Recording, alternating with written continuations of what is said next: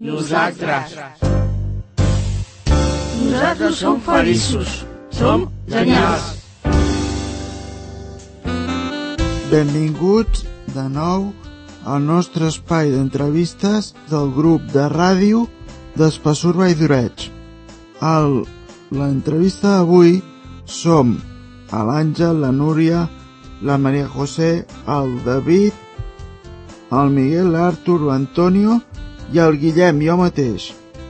Avui entrevistem l'Eric Griso en els components d'un grup de música nascut a, a, aquí a Sant Jugat, conegut per algun, alguns dels seus temes com és gratis. Espabila, que sonreír es gratis, regala buen rollismo, orgasmos y armonía. Actualment l'Eric viu a Madrid, però és un plaer avui poder-li fer una entrevista i passar una bona estona amb ell perquè ens expliqui coses relacionades amb la música. Bon dia, Eric. Bon dia, com esteu? El plaer és meu d'estar aquí avui eh, i pel que estic escoltant hi ha moltíssima gent aquí, així que, que us envio a tots bueno, una salutació, una abraçada. Jo, com comentaves, estic a, a Madrid, però trobo molt a faltar Sant Cugat i de fet està buscant ja un cap de setmana per venir de visita als amics i a la família, que ja toca. Ja m'imagino. I, llavors, eh, bueno, eh, podem parlar del que us vingui de gust, us puc explicar una mica la meva experiència a la música o el que em vulgueu preguntar. Jo encantat de contestar. G gràcies, de debò. Ens agradaria saber si cantes a la dutxa. si canto a la dutxa. Eh, em sembla que jo canto a tot arreu. És una mica el defecte professional de la gent que fem música, que estem tot el dia doncs, cantant melodies, intentant composar aquella nova cançó, llavors la inspiració et pot agafar a qualsevol lloc, ja sigui a la dutxa, eh, sortint de l'autobús, llavors jo sempre tinc el meu mòbil a mà i sempre estic fent notes d'idees que poden acabar convertint-se en una cançó o de cop i volta et ve una melodia al cap i la xiules perquè no se't perdi, perquè moltes vegades si no la, la deixes gravada, allò pot no tornar a aparèixer mai més. Llavors això és el consell número 1 si vols fer música, és tingues alguna per gravar eh, sempre a mà, perquè la inspiració tal com va, tal, tal com ve se'n va. Soy Nuria. Eh, ¿Con cuántos años empezaste eh, a dedicarte en el mundo de la música? Doncs, aviam, jo la música mmm, vaig començar bastant tard. Eh, amb 27 anys em vaig començar a dedicar de forma professional amb l'Arnau Blanc a, a fer música i vam crear la banda d'Arnau Griso. Ah, Però jo toco la guitarra des de, em sembla, des dels 11 o els 12 anys. Vaig començar tard, però, bueno, mai, mai és tard si li poses totes les ganes que cal eh, i si assages eh, tot el que es necessita, no? Perquè a vegades és com que, hòstia, si en 15 anys no toques com Jimi Hendrix i, i has estudiat al conservatori i ets un músic format des de molt jove, sembla que no et puguis dedicar a la música. Doncs no, hi ha esperança. Al final eh, tot és posar-li les ganes que toquen. ¿A tu familia le, le- ha gustado el mundo de la música? Eh, doncs a la meva família hi ha diversos músics eh. Sí que, sí que és cert que, que són músics de clàssic, eh, són músics d'orquestra, eh, llavors segurament la música que, que fèiem l'Arnau i jo els hi semblava, eh, no sé, lo, el, el pop más, más básico de la història. Però sí que és cert que jo he viscut molt la música de, de petita casa. Mon pare tocava la guitarra i de fet tenia una banda amb els seus amics. Llavors suposo que el fet d'haver tingut guitarres a casa i de que mon pare em pogués donar com aquestes primeres classes de, de toma de contacto con el instrumento, doncs va fer que, que jo tingués aquestes ganes, no?, de, de fer música i de ser músic. Sabemos que además de tocar la guitarra, también cantas y cómo lo haces para entrenar la voz antes de cantar. A ver, eh, sí, jo, jo a, a part també, a part de ser guitarrista, que és el paper que, que tenia amb Arnau Brisso, jo faig les meves pròpies cançons i, i he cantat de sempre.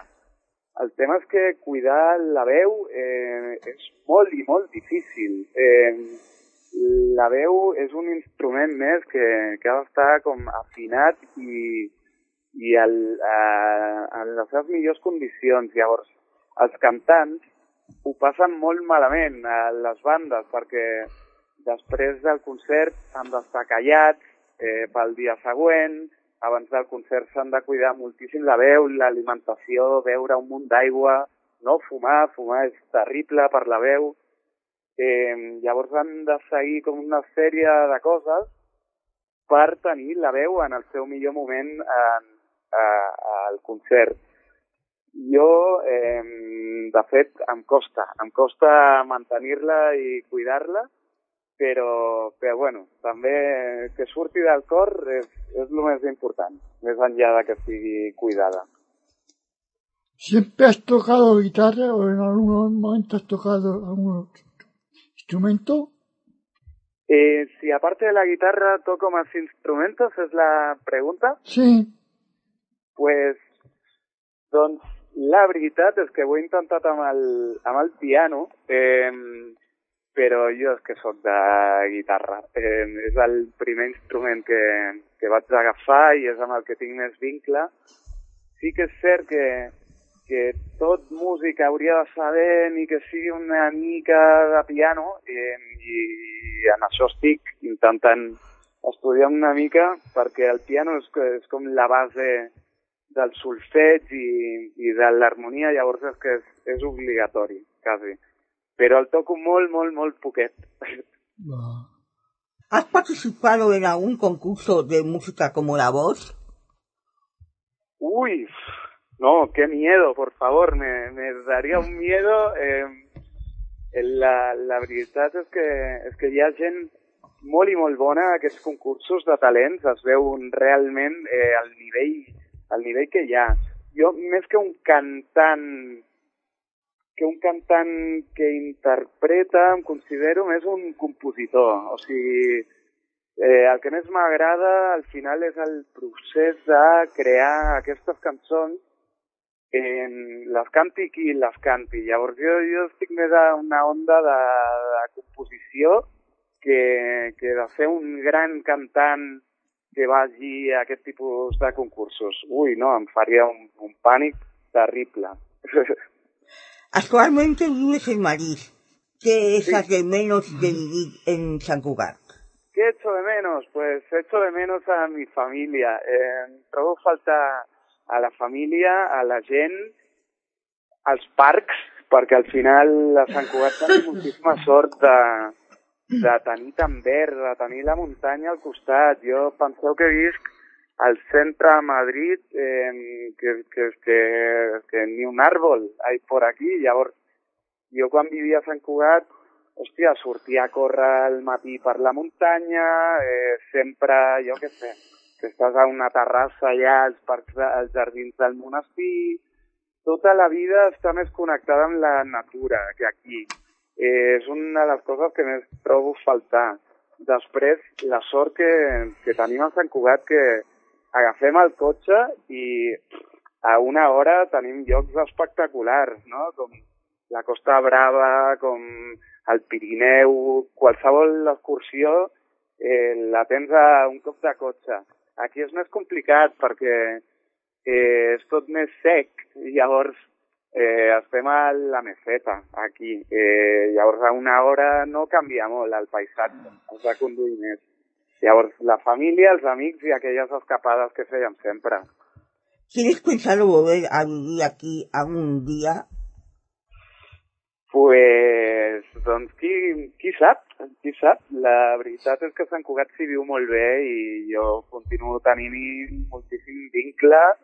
Llavors, no, no ho descarto gens ni mica. El que passa que, que per la meva feina i per la fase a la meva vida en la que estic, doncs ara mateix he de- he d'estar aquí. Però, bueno, no, no ho descarto gens.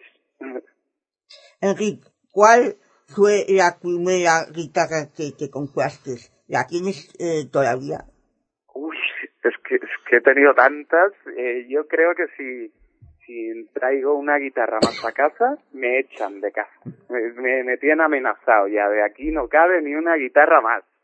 Eh, pero es que la primera, la primera que, va, que vaig tocar va ser una guitarra del meu pare, però antiga, o sigui, potser té 50 anys aquella guitarra, i continua sonant perfectament perquè diuen que el, els instruments a vegades eh, envelleixen bé, com el vi, que, que cada any sonen millor.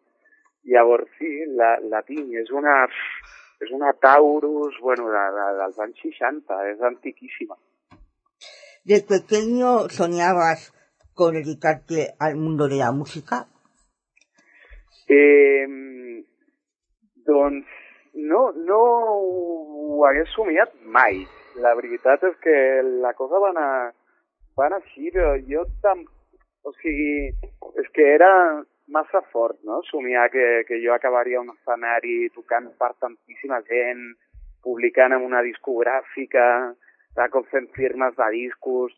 Vull dir, era algo que ni passava pel cap, si soc sincer. No, no, és, no és algo que fos el meu somni de la infància. Mica en mica, doncs, s'hi ha anat convertint, no? I, i de fet, ara que, que ja no estem amb l'Arnau i que estic en solitari, doncs, hòstia, ara sí que és el meu somni, eh, però de petit és que ni, i jo a part sóc molt tímid, o sigui, és que no, no m'hi veia a un escenari. Llavors, mica en mica m'hi he anat fent i, i, i ara sí que m'hi veig. Ens agradaria saber què vas a estudiar per, per estar on estàs. Tens estudis específics de música o de guitarra? Doncs la resposta és no. Eh, jo sóc un guitarrista i un músic i un compositor autodidacta. Eh, jo he anat aprenent mica en mica eh, amb gent que, que m'ha anat ensenyant pel camí i bueno, des de, des de que està a internet sí que, hòstia, sí que em vaig formant i fent cursos, però, però tot a base de vídeos online he tingut algun profe de guitarra específic i de cant també, però no estudis superiors com a tal de conservatori. Eh, jo vaig estudiar eh, publicitat a, a la carrera, que no la vaig acabar, per cert, eh, però sí que és cert que, que crec que ha influït bastant perquè la música que fèiem amb l'Arnau tenia un component com molt, molt publicitari. Eh, li donàvem moltes voltes a, a què era el que podia funcionar millor eh, a Twitter, per exemple, no? o a YouTube. Llavors, escollíem les frases perquè, perquè fossin tuiteables. Llavors sí que, sí que es nota un pèl la influència, crec, de la publicitat a, a dins de la música que fèiem amb, amb Arnau Urizo. És difícil viure de, de la música? Has tingut èpoques en les que has tingut que compaginar la música amb altres oficis? Eh, sí, jo he estat compaginant la música amb la meva feina anterior eh, durant molt de temps i és que viure la música és, eh, avui en dia és un unicornio. S'han d'ajuntar molts elements, has de tenir moltíssima sort, has de treballar molt dur, llavors eh, et diria que, que és molt complicat, que molt poca gent ac- aconsegueix viure la música íntegrament. L'Arnau i jo hem sigut uns afortunats en tota regla perquè estàvem al lloc indicat, amb el missatge indicat al moment que tocava. Llavors hem, hem pogut viure de la música i viure molt bé durant els últims cinc anys i és algo pel que estem agraïdíssims. Avui en dia, eh, tu, si vols viure la música, vius dels concerts. Abans podies viure amb la venda de discos, avui en dia això ja no existeix. Eh, llavors, ets molt esclau de, dels concerts i quants, quants més concerts fas i més gent ve a aquests concerts, millor et va. Llavors, eh, ja et dic, és molt important treballar la part del directe, tenir un espectacle que agradi a la gent, que la gent repeteixi i, i anar picant, anar picant a ciutats noves, que et conegui més gent. Llavors és una feina eh, entre les xarxes socials i el directe, bàsicament. Quantes hores et dediques a assajar? Assajar, assajar, eh, clar, eh, els assajos sempre venen abans dels concerts, abans de la gira. Llavors, hi ha una època en la que tu t'ajuntes amb la teva banda eh, i, i dediques moltes hores al dia a que, a que allò quedi eh, perfecte, sense cap mena de fallos. Després, és mentida això, perquè als concerts tothom comet errors, tothom comet fallos i és part, és part de la gràcia també, no? I en el moment que, que hi ha algun fallo en directe, riem tots, s'explica i no passa res. Però, però sí, en, en èpoques de, de gira igual assagem 10, 12 hores, inclús seguides. Tens algun altre hobby a part de la música? Doncs eh, sí, eh, a part de la música, eh, bueno, eh, últimament estic bastant volcat a la música, si, si us soc sincer. Eh, et diria que sí, que m'encanta esquiar, per exemple, eh, m'encanta el mar en totes les seves formes, viatjar, viatjar és algo que em flipa i, i sempre que puc doncs agafo la motxilla i i si pot ser lluny, millor encara. O sigui, com més lluny, més desconnectes. ¿Has sido alguna vez telenero eh, de algún grupo o has cantado con alguien cantantes famoso? eh, pues, eh, doncs mira, sí, eh, amb, amb Arnau Griso eh, fèiem moltes col·laboracions en directe. Eh, convidàvem a molta gent als concerts i també ens convidaven ells.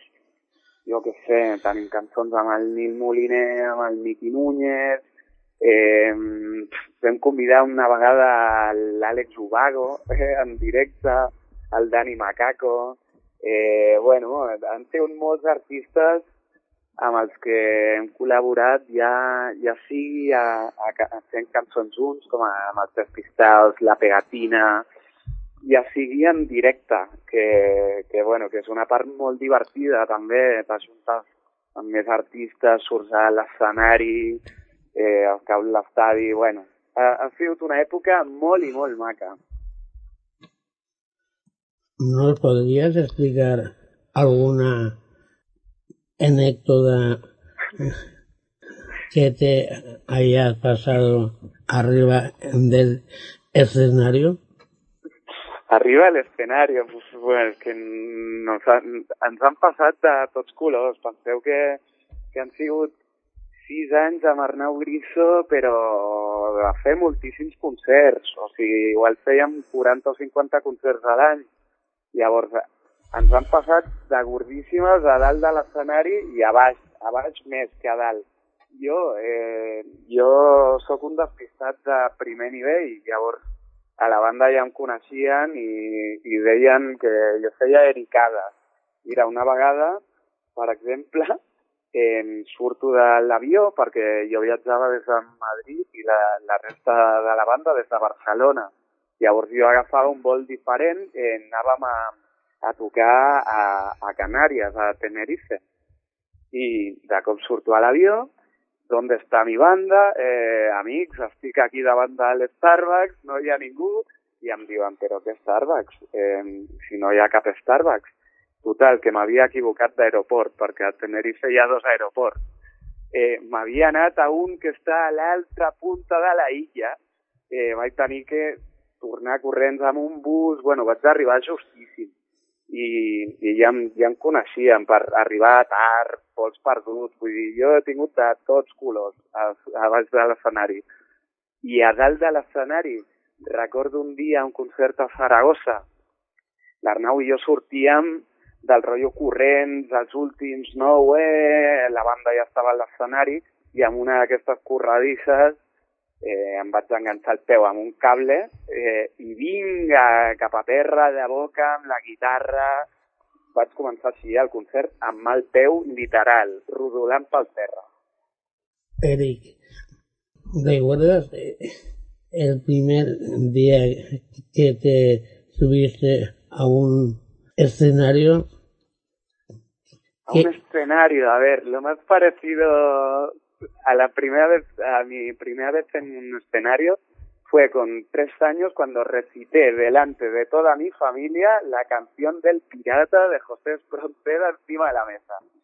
Però a part d'això, eh, sí, recordo el primer concert amb Arnau Risso, que va fer el 2017 a una sala plena, vull dir, va ser preciós, amb tots els amics de Sant que havien vingut a Madrid, tothom cantant, va ser molt emocionant i, i ho recordarem sempre. Eric, Diga. Eric, uh, et faig la pregunta. Clar que sí, dispara. Tens alguna vestimenta específica per quan fas concerts? Ui, sí, sí, sí, 100%. Les camises boges, que li dic jo. Hi ha una, una, un tipus de camises que tinc aquí, eh, unes perxes, que són les camises de concert. Eh, són sempre llampants, de colors així, eh, com bojos, amb estampats. Tinc una, tinc una que té cares de gats, que és com la meva camisa de sort. Llavors sí, sempre intento anar amb camisa o, o un puntet més arreglat de lo que aniria al carrer. Ja m'imagino. Eh, ¿En algún momento te has planteado dejar el mundo de la música?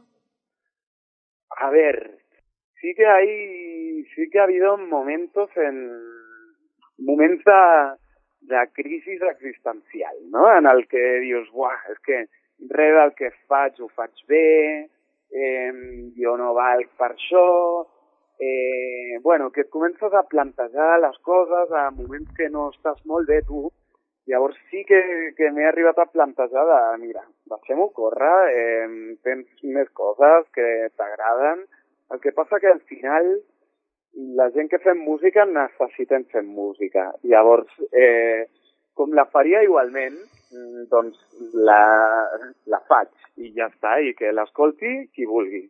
I qui no, no, ja està. ¿Qué profesión te hubiera gustado hacer además de ser músico? Pues, pues a ver, déjame, déjame que lo piense porque creo que me estoy haciendo mayor y hace, tanto tiempo de eso y me han pasado tantas cosas que, que ja no me acuerdo, la verdad. De molt petit sí és cert que volia ser arquitecte. Era, era algo que ara, ara ho penso no me pega nada ser arquitecte, que sóc un caos. O sigui, jo arribo a construir un pont i s'enfonsa, segur. Eh, però sí, eh, curiosament em va, em va donar per allà. Ara ho veig i dic, no, no, és molt més divertit ser músic que arquitecte. I jo em quedo un músic. Quin estil de música t'agrada més? Quin estil de música m'agrada més? Eh, aviam, jo, jo escolto de tot, no? Sembla, sembla un tòpic, però fa uns anys eh, sí és cert que l'estil era algo com molt tancat, és a dir, tu escoltaves rock o escoltaves reggae o escoltaves rap, ¿vale? i llavors eres rockero, rapero o rastafari. Eh, avui en dia està passant algo molt maco en la música, que és que l'estil s'està diluint, el gènere està desapareixent perquè s'està barrejant tot amb tot. Eh, llavors, està, està passant com aquest mestissatge eh, que, que realment fa que, que puguis escoltar tot tipus de música, no? sense, sense que tingui etiquetes com abans. Llavors, mm, jo sóc més partidari ara d'això, d'aquesta música sense etiquetes, de no intentar-li penjar mai l'etiqueta i que sigui més el que, el que transmet que el que és. ¿Vas a conciertos de otros artistas? Eh, sí, la respuesta es sí. Hay que, hay que ir a, a ver música en directo. Eh, jo personalment sóc bastant malalt d'anar a concerts. Eh, intento anar quasi tots els que puc, però perquè és totalment inspirador. Al final, ja, ja sigui de companys meus, no? eh, en formats més petits, o ja sigui de gent a la que admiro, que omple estadis, eh, tot, tot aporta, tot dona idees, a part de que m'agrada molt veure com l'espectacle en directe i la proposta que té cada un. Jo surto d'un concert sempre amb ganes de fer música. Eh, llavors, és com la, la sensació que, que busco, no? Anant a, a concerts, de tant agafar idees com, com que m'activi el mecanisme que, que porto a dins, que, que no sé si és perquè em pica o què, saps? Que de cop veig un concert i surto d'allà amb ganes de, de composar, de fer música, de fer concerts, Llavors, sí, sí, la resposta és, és que vaig a tots els concerts que puc. A, a vegades, a setmanes, en dos i en tres concerts, ¿eh? ¿Ha pensado, tiene pensado hacer algún protesto solitario como graba un CD? Pues eh, la verdad es que sí, estoy poco a poco eh, grabando mi álbum en, solitario y, y eso és un proceso largo perquè, perquè al final, hòstia, he de descobrir qui sóc jo a nivell musical. Amb Arnau Griso ho tenia molt clar eh, i ja treballàvem amb una sèrie de gent que, que, que, que sabíem que allò era Arnau Griso, no? Però jo com a Eric Griso en solitari eh, estic intentant descobrir qui vull ser a nivell musical, com vull sonar. Si, si vull sonar com, eh, jo què sé, com Miley Cyrus o com Residente o que no tingui res a veure amb ningú, no? Llavors, estic immers en això. A mica en mica, a, a dins de l'estudi, doncs, experimentar una mica buscant el so que, que vull. ¿Hace algún ejercicio ritual antes de salir a cena? Algun ritual? Eh, doncs, doncs sí, al final jo sóc un, un tio amb bastantes manies, eh, llavors, eh, sí, sempre tenia com el meu quart d'hora abans del concert de que ningú em parlés, eh, i m'aïllava, m'és igual, em, em ficava un, un quarto a les escombres si feia falta, i llavors mentalment com tenia, repassava una sèrie de coses i després, el que no, no existeix un concert sense fer abans el crit de guerra amb la banda, que és que posaven tots les mans al mig i teníem un crit de guerra molt boig eh, i és que estava prohibit sortir a l'escenari sense fer això. Els concerts segur que t'han portat per diferents llocs del país. Quins són els que més t'han agradat? Uau, eh, bona pregunta. Eh, sí, sí és cert que hem, hem tocat en moltíssims llocs. Eh, ens agradava molt tocar Astúries, per exemple, perquè és que Astúries és preciós. Llavors, eh, i s'hi menja molt i molt bé, llavors tot el viatge veient els picos d'Europa, és, és que és un gustazo. Després et menges una fabada i és espectacular. Eh, bueno, hem tocat diversos cops a Astúries i crec que a tota la banda ens encantava. Al nord, en general, perquè s'hi menja molt i molt bé, però, per exemple, el que us deia abans de tocar Canàries, saps? De cop hi vas allà al febrer i fa estiu, quasi. Eh, també era un, un gust molt bèstia tocar Canàries a hivern. ¿Qué es el que más te gusta de tu profesión y de que menos? ¿Qué es lo que más me gusta? Eh, me gusta la, la libertad. Me gusta la libertad que te da, eh, perquè al final jo, per exemple, sóc un tio molt nocturn, llavors hi ha vegades que, que em a currar de nit, no? I, i de cop la meva jornada laboral potser comença a les 11 de la nit i acaba a les 5 del matí perquè estic aquí a casa, eh, composant.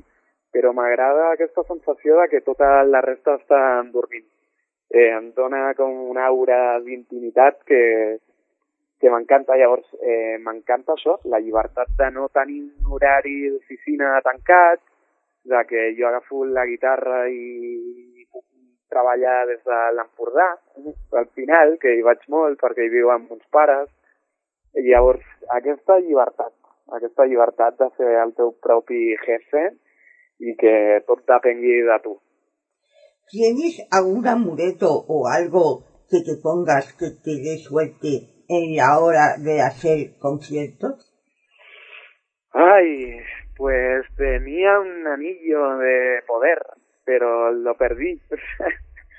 lo perdí, pero bueno, mi, mi novia me, me regaló otro, con lo que ahora ese es mi anillo de, de la suerte y de poder. Sí, intento tocar siempre con ese anillo. ¿Cuál ha sido la cosa más rara que te ha tirado o que te ha dicho cuando has estado en un escenario?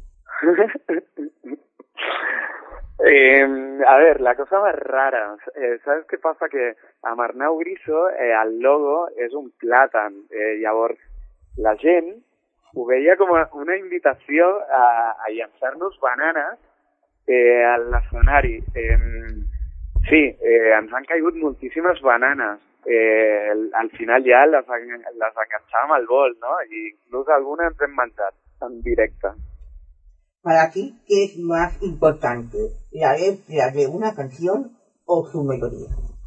Uf, uf, aquí, aquí podri, podríem estar parlant dues hores d'això, perquè és un debat molt important.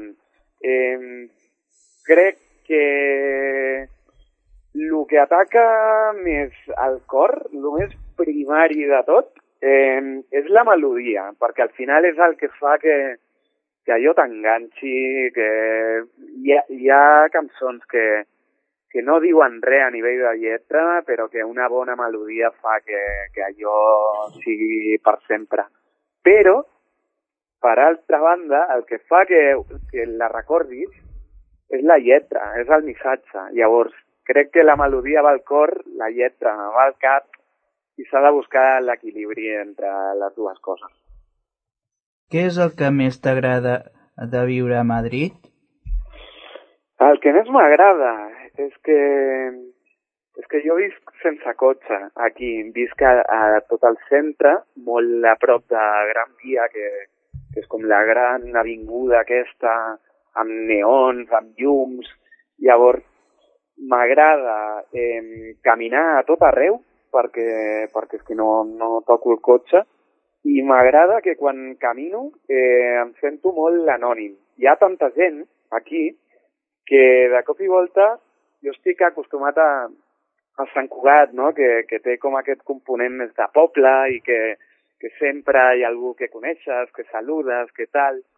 Jo sóc un tio bastant introspectiu i bastant solitari, llavors eh, m'agrada aquesta sensació d'anonimat, que, que també és com una llibertat, no? Venint de, de Sant Cugat. Totes les cançons que toques són teves o has fet alguna versió d'un altre autor? Doncs vam fer una versió per la Marató de TV3 eh, d'una cançó de Juanes que es diu Adiós le pido, que és un clàssic, eh, és un temazo. El, eh, la vam cantar en català i està al disc de la Marató de 2021, em sembla que és. Amb quin cantant o grup t'agradaria fer una col·laboració? Uf, hi ha molts, hi ha molts que tinc a la wishlist. Eh, però, mira, fa poc eh, pensava que m'encantaria cantar-lo amb Crystal Fighters, que, que són una gent que són del Regne Unit, però que toquen bastant per Espanya i que són uns tios que porten unes pintes que si els veiéssiu amb el cabell llarg semblen hippies dels anys 70 i em sembla que són 15 a l'escenari, eh, llavors munten una festa que, que flipa. Enrique, muchas gracias por haber dedicado un rato de tu tiempo a nuestro espacio de entrevistas. Ha sido un placer tenerte con nosotros y esperamos poder sentir canciones tuyas, nuevas.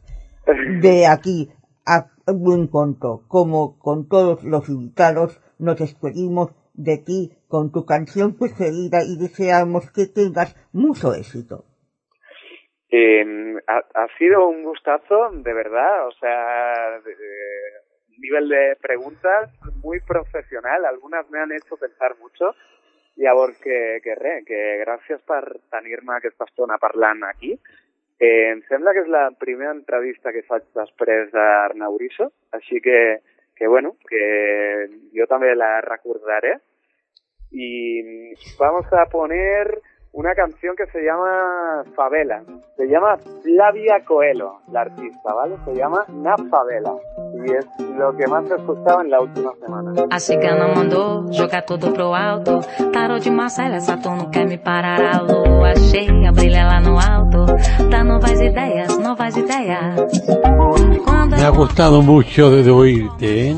Yo también, Eric, yo también. Ha sido, ha sido un gustazo. Nada, eh, mando un abrazo A mi també m'ha agradat molt parlar amb tu, Eric. Que te vaya bien en, en la música y, y te vaya todo bien. Ela reclama que é pouca. Muchísimas gracias y re, una abrazada a todos. A te vemos por aquí cualquier día. A ver si me veis, a ver si anuncio un concierto en San Cugat.